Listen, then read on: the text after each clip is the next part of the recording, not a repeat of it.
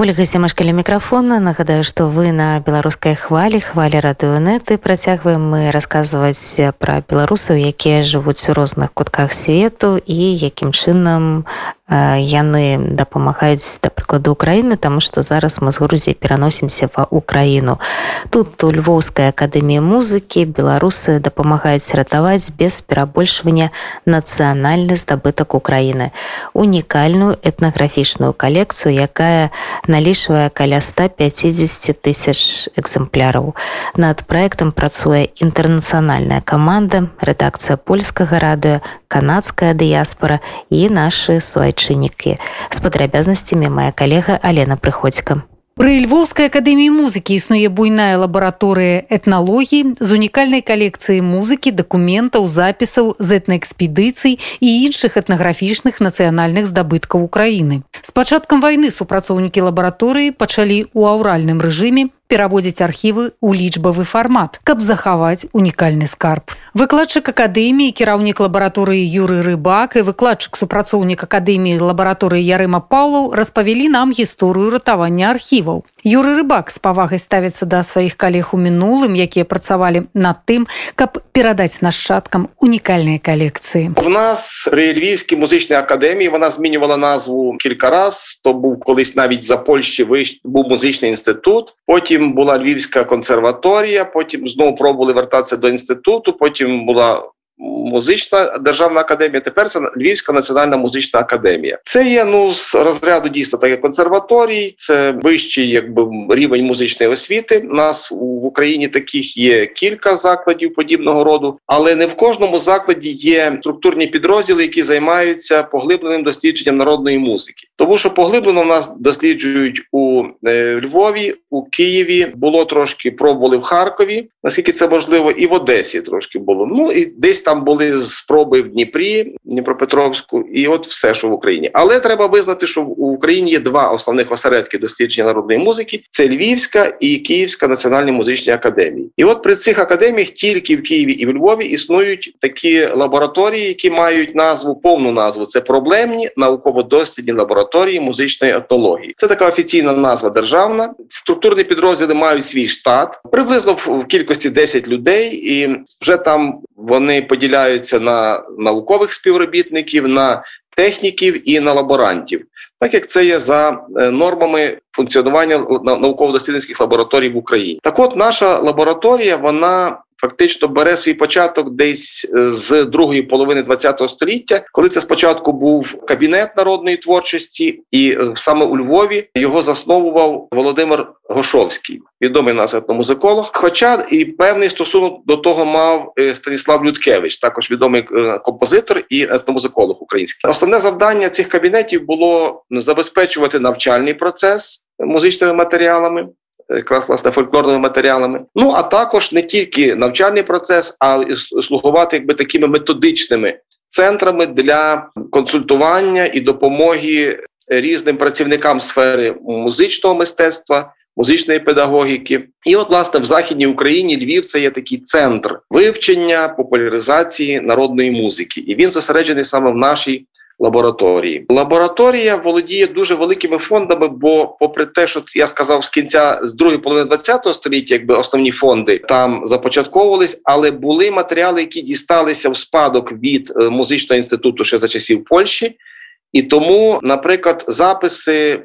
Які на той час у Львові були записи народної музики на найперших носіях, а це такими були фотографічні валики, це такі воскові е, циліндри. І на тих валиках записував в Галичині спочатку ХХ століття Осип Роздольський, потім записував Філарет Колеса. І от, власне, наш архів має всі ці матеріали у своїй е, власності записи фотографічні Осипа Роздольського, Колеси. Потім були записи з другої половини ХХ століття. Це і Володимира Гошовського, і записи вже були планові експедиції консерваторські, які здійснювали наші співробітники. Тому можна сказати, що наш архів має вже трошки більше як столітню історію поповнення наших фондів.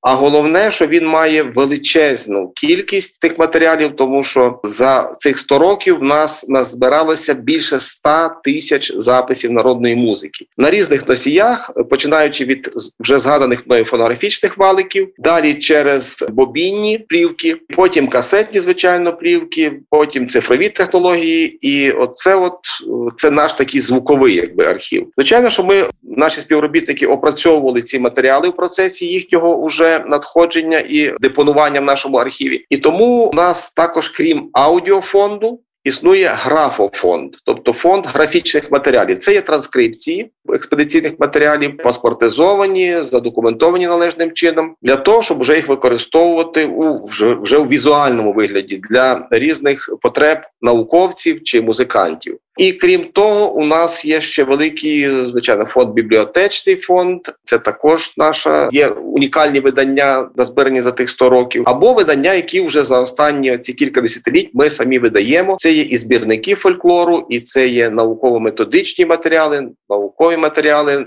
Практичні е, рекомендації, які ми розповсюджуємо і стараємося забезпечити всі потреби наших колег е, наукового цеху, чи педагогів, чи просто музикантів, які займаються виконавською чи композиторською творчістю. Тому наша лабораторія веде різносторонню діяльність, і ми адаптовуємося під потреби які диктує нам, скажімо так, реалії, сучасний музичний ринок і під ті потреби, які з'являються останнім часом. Ну, наприклад, е, е, різноманітні проекти також реалізовуємо, міжнародні проекти. Оце наші основні, так мовити, якісь ну, представлені лабораторії. Ярема Паўлаў сам з'яўляецца выпускніком львоўскай музычнай акадэміі, потым яе аспірантам і выкладчыкам, а пасля і супрацоўнікам лабараторыі. Але ў гэтай якасці ён прапрацаваў нядоўга як почалася війна. Так трапилося, що буквально пройшло пару місяців мого цього досвіду, і почалася війна, і постали серйозні проблеми з тим, що дуже багато є рукописів.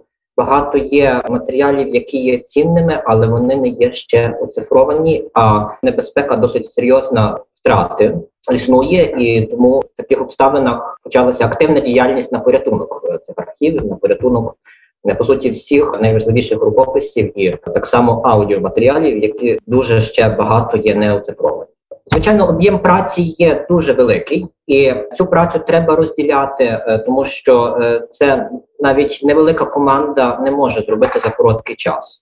Не можна сказати, що нічого не робилося до початку війни. Це буде неправильно, тому що, по перше, аудіоархіви е, вже значною мірою з касет.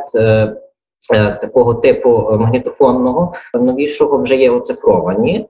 Проте питання ще щодо якості, тому що такої якісної хорошої техніки, все ж таки лабораторія поки що не мала. Досвід, наприклад, західноєвропейський показує, що треба дуже хорошу техніку для того, щоб архіви насправді зберегти на тривалий час високої високої якості. Е, ці джерела, щоб залишилися щодо того, як ми зараз працюємо, це першу чергу всі взялися фотографувати просто накопичені матеріали, зокрема фонетичні, навіть фонетичні архіви, які збиралися е, вже впродовж дуже тривалого часу, а найбільш інтенсивно починаючи із 90-х років минулого століття, адже якраз в той час е, очолив е, лабораторію професор Богдан Луканюк і е, ввів навчальну програму збір матеріалів фольклорних, експедиційну активну роботу. Студенти і викладачі дуже активно цим займалися, тому накопичилося дуже багато таких експедиційних матеріалів, і фонетичних, і аудіо архівів. І щодо фонетичних, наприклад, то довелося все це відфотографовувати терміново і зберігати у надійному ресурсі. Стосовно аудіоархівів, то ситуація була частково ліпшою порівняно із фонетичними, тому що вже багато чого було це систематична робота з оцифруванням, хоча і не найкращу техніку. А стосовно бобінних власне магнітофонів, то з цим у нас була проблема, тому що був е, такий магнітофон, але він постійно виходив з ладу і, зрештою, і не працював е, на час початку війни. Оцифровано було не все, і навіть те, що оцифровано, воно теж не настільки якісно оцифровано через неякісну техніку. Тому власне тут слід дуже Вклонитися, подякувати нашим нашому білоруському е, колезі е, Євгену Баришнікову і е, також польському радіо, адже співробітники польського радіо зробили дуже гарний жест. Насправді дуже гарну благородну справу, передавши нам два мобільні магнітофони, професійні телефонки. Таким чином це можливість на високій якості оцифрування в майбутньому, і навіть переоцифрування тих вже матеріалів, які не настільки відповідають хорошим стандартам. Так працы насамрэч шмат, бо калекцыя налічвае каля 150 тысяч адзінак, але ж з пачаткам вайны нечакана для этнографаў ім пачалі дасылаць тысячы запісаў з розных частак Украіны. І што па словах Юрыя рыбака асабіста прыемна і стратэгічна важна з усходу краіны, дзе зараз акупацыйны стан. Я сказав, що у нас є більше 100 тисяч. Це значить, що у нас дивіться, як обліковувати. Коли ми рахуємо пісню, або музичний твір, чи там інструментальний, чи пісенний, це зрозуміло. Але коли є велика розповідь, яка стосується контексту побутування тих чи інших творів, це також є одиниця. Тому, якщо рахувати це все одиницями, одиницями е, такої інформації, то в нас є десь 150 тисяч от таких от одиниць, і зараз уже з того всього відсотків, ну на сьогоднішній день, наприклад, або донедавна, нас було відсотків 70-80 оцифровано повністю, що дуже важливо, тому що ті носії вони втрачають свою якість, і неможливо вже багато плівок вони розмагнічуються, вони сиплються. Е, плівки, а валики тим більше вони дуже е, сильно піддаються руйнуванню фонографічні валики, але валики оцифровані вже 100%, е, бобіни оцифровані відсотків на 90%, а касети оцифровані відсотків на 80% були. Але останнім часом велика нам приємність, але великий клопіт, що в нас почали з'являтися нові фонди. До нас поступили ще тисячі тисячі записів. Ну, до прикладу, я можу це сказати, можу це озвучити, але це записи з дуже важливого регіону, це з Донбаського регіону. Це якраз того регіону, де зараз точаться найзапекліші бої в Україні, іде велике протистояння, конфлікт, скажімо так, російсько-український, тому що звичайно пропаганда робить своє, і Росія хоче доказати, що це їхні історичні землі. Ми маємо матеріали.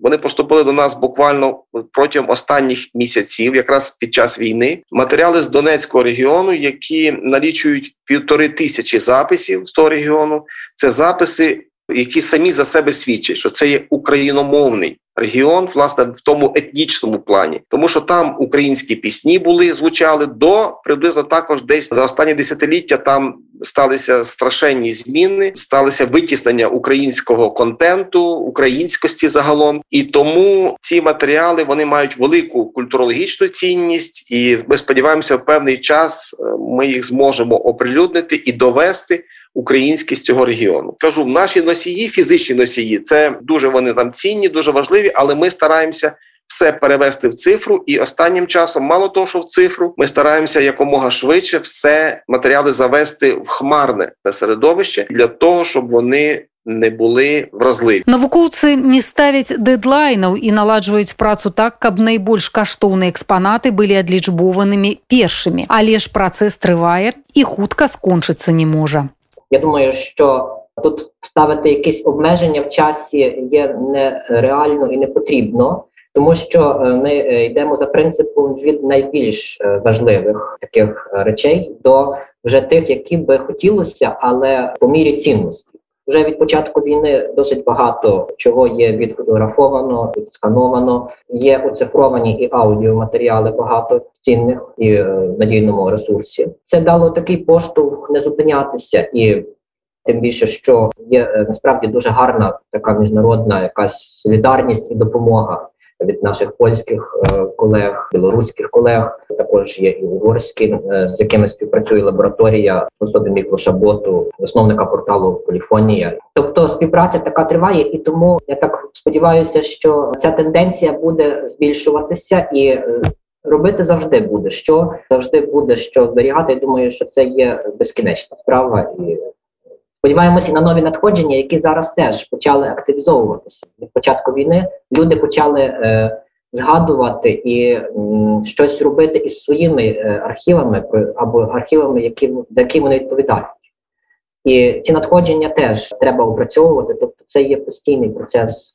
Немає якогось ліміту. беларускі журналіст і культурны дзеяч яўген барышнікаў падкрэслівае што ягоная заслуга ў набыцці бабінных магнітафонаў невялікая бо такі падарунак зрабілі польскія калегі гісторыя пра магнітафон прыкладна такая яшчэ да вайны я знаёмы быў з фальклорнай тусоўкай львовскай которая робіць танцы уже спачатку вайны мы граем таксама гэтай танцы збіраем грошы на зсу. І вось аднойчы мне сказалі сябры што лёўская кансерваторыя лабараторыя фальклору займаецца лічбоўкай сваіх архіваў для того каб іх заліваць у аблучныя сховішчы для того каб ратаваць падчас вайны і ім не хапае рук тэхнікі і так далей. Ну і вось Я з імі сустрэўся набыў па выніку касетную дэку каб касеты лічбаваць ну, тому што касетную дэку прасцей знайсці. Ну, таксама яны сказалі што іх бабіна магнітафон который быў і ён зламаўся і трэба шукаць бабіннік. Бок касетную дэку яшчэ можна знайсці па абвестках а якасны бабінны магнітафона такая штука рэдкая і дарагая. Но я стаў думаць а дзе знайсці бабіннік альбо грошы на яго. Вельмі розныя кошты там ад,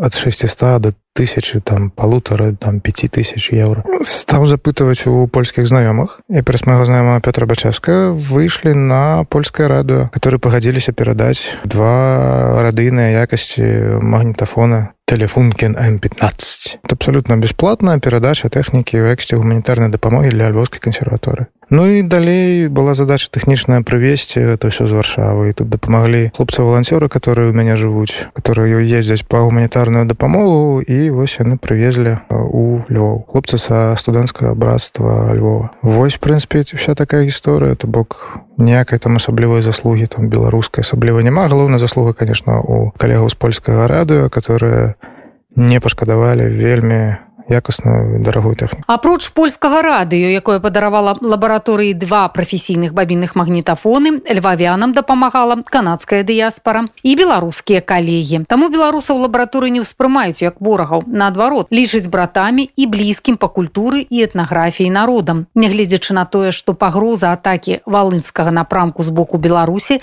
зараз вялікая як ніколі перші дні війни ми дуже авральним способом взялися до цього порятунку. Ми просто в кількох місцях це не є секретна також інформація, але ми розповсюдили фізичні носії в різних місцях для того, щоб вони не були в одному зосередженні в одній точці. Переведення в цифру і в хмарне середовище нам допомогли з-за кордону, з Америки, з Канади. Нам багато дуже допомагають також поляки. Як і не тільки там, що вони українців забезпечують прихисток, але і поляки нам недавно зовсім надали з польського радіо два дуже коштовних е, бобінних магнітофони, телефункін студійні, дуже хороші. І потім нам також канадська діаспора нам надала сканер. Е, безконтактний сканер дуже хороший, якісний для оцифрування рукописних матеріалів, яких також у нас є дуже багато. Не не то, щоб знаєте, білоруська загроза. У нас тут є дуже велика впевненість, що ми ту загрозу якраз е, витримаємо. Ми її відіб'ємо, і ми не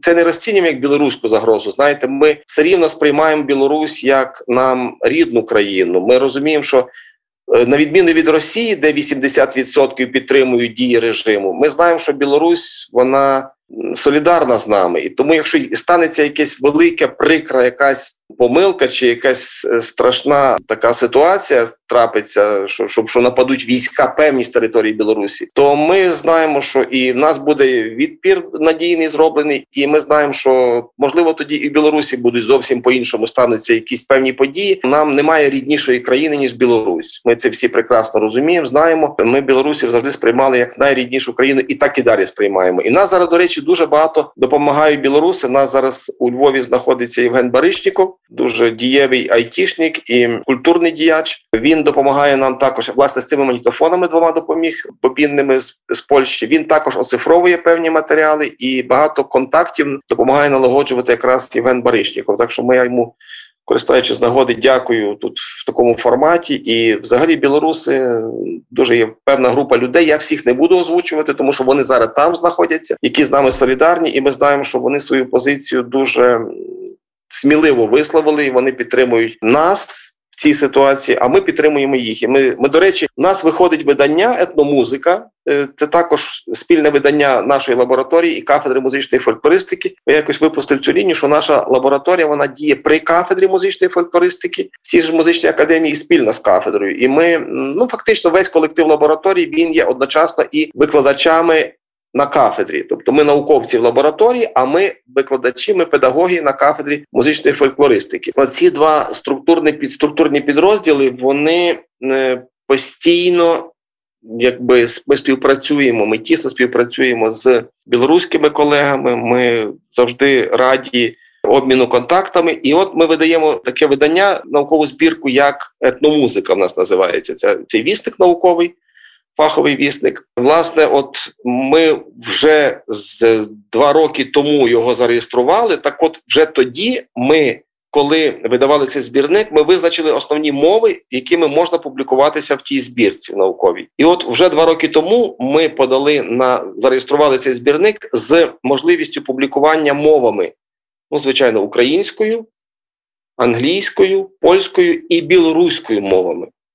Російську мову ми не подали туди. Тобто, ми ми, ми були одні з перших, хто зразу відмовився від російської мови. А от білоруську мову ми там підтримуємо. Ми звертаємося до всіх і закликаємо також наших колег, і ми приймаємо і нас публікуються білоруські колеги. Тому ми підтримуємо білоруську мову. Ми дуже захоплюємося вашою мовою і хочемо, щоб ці контакти продовжувалися. Тому що кажу, ми ніколи не боїмося нападу білорусів, але з боку Білорусі можуть прийти певні якісь такі мутні сили, не знаю, хто там прийде, в, як, в якій формі.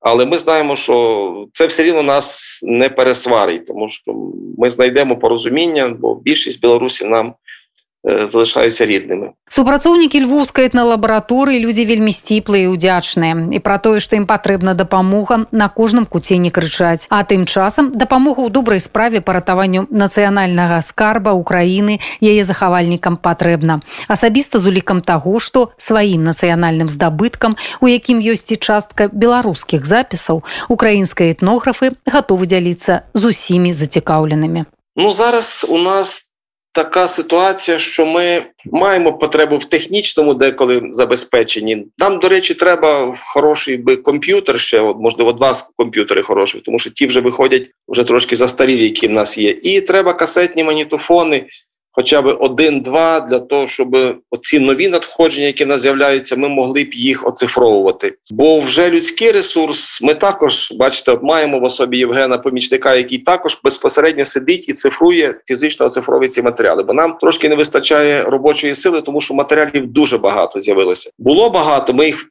е, розмірено, ми планово їх опрацьовували. Але тепер, коли внаслідок цієї військової загрози нас почали надходити ще деякі архіви а людей в нас не збільшилося. Тому нам трошки треба людей. Ну, ми тут можемо знайти вже з поміж своїх е, волонтерів, будемо залучати людей. А от технічну допомогу нам би потрібно було власне комп'ютери і касетні магнітофони. Це те, що нам зараз найпотрібніше. Я вам розкажу, що з'явилися тисячі записів останнім часом, які готові нам передати і передають уже. І зараз ще йде можливість. Кожен якийсь тиждень, другий нам з'являються додаткові надходження, приходять до нас. І тому ми з одного боку раді, а з другого боїмося, що ми чи ми зможемо це все. Належним чином опрацювати нам пропонували нам е, німецькі колеги. Пропонували перевести це все в Німеччину для зберігання, але ми не знаємо наскільки довго ця ситуація затягнеться, і е, знаєте, легко вивести. А чи зможемо ми так легко повернути? І взагалі та й вивести, напевно, не дуже легко, тому що це національна цінність, і не можна так, от ці унікальні матеріали, які мають які мають надзвичайну цінність, чи можна їх вивозити. Тому ми навіть не розглядаємо, тому що ну поки що, чесно кажучи, немає такої великої загрози. Ми впевнені, що ми вистоїмо, тому що в нас дуже великі сили. Ми дуже мотивовані, і ми вже за цих кілька місяців набрали зібралися, загартувалися, того що ми готові захищатися. Сподіваємося, що нічого не трапиться. А якби раптом щось сталося, то звичайно, що ми ті записи будемо екстреним способом кудись транспортувати. Сподіваємося, що буде якась така якийсь такий коридор створиться. Це власне всі наші записи можна помістити в один автобус. Воно не є так, аж уже знаєте, стільки нас того багато. Але треба хороший автобус, і тоді ми зможемо. Не дай Боже, ми б готові їх вивозити. Але поки що кажу, ми такого не розглядаємо і сподіваємося, що все минеться. І все таки вже кажу, багато чого ми оцифрували. Ми спокійні, що найцінніші записи, які були в одиничних примірниках, е, багато чого ми вже зробили. І воно буде в інтернеті, воно буде в хмарному середовищі. Сподіваємося, що ми також часом дамо доступ для тих матеріалів. До речі, дуже багато матеріалів є, наприклад, з Брестської області, де ми також робили свої експедиції, записували ці матеріали. Ми готові будемо поділитися. Так що, якщо буде інтерес, ми з білоруської території, тобто також ми це маємо чудові записи, маємо хороші матеріали, і в жодному разі ми їх не е, закриваємо для загалу. Ми готові цим ділитися для всіх. Пра ратаванне этнаграфічнай калекцыі Украіны расказвала Алена Прыходзькам. Я нагадаю, што ўсе нашы інтэрв'ю і рэпартажы можна знайсці ў сацыяльных сетках. Гэта Facebook, Twitter, Telegram і Instagram рады УНэт.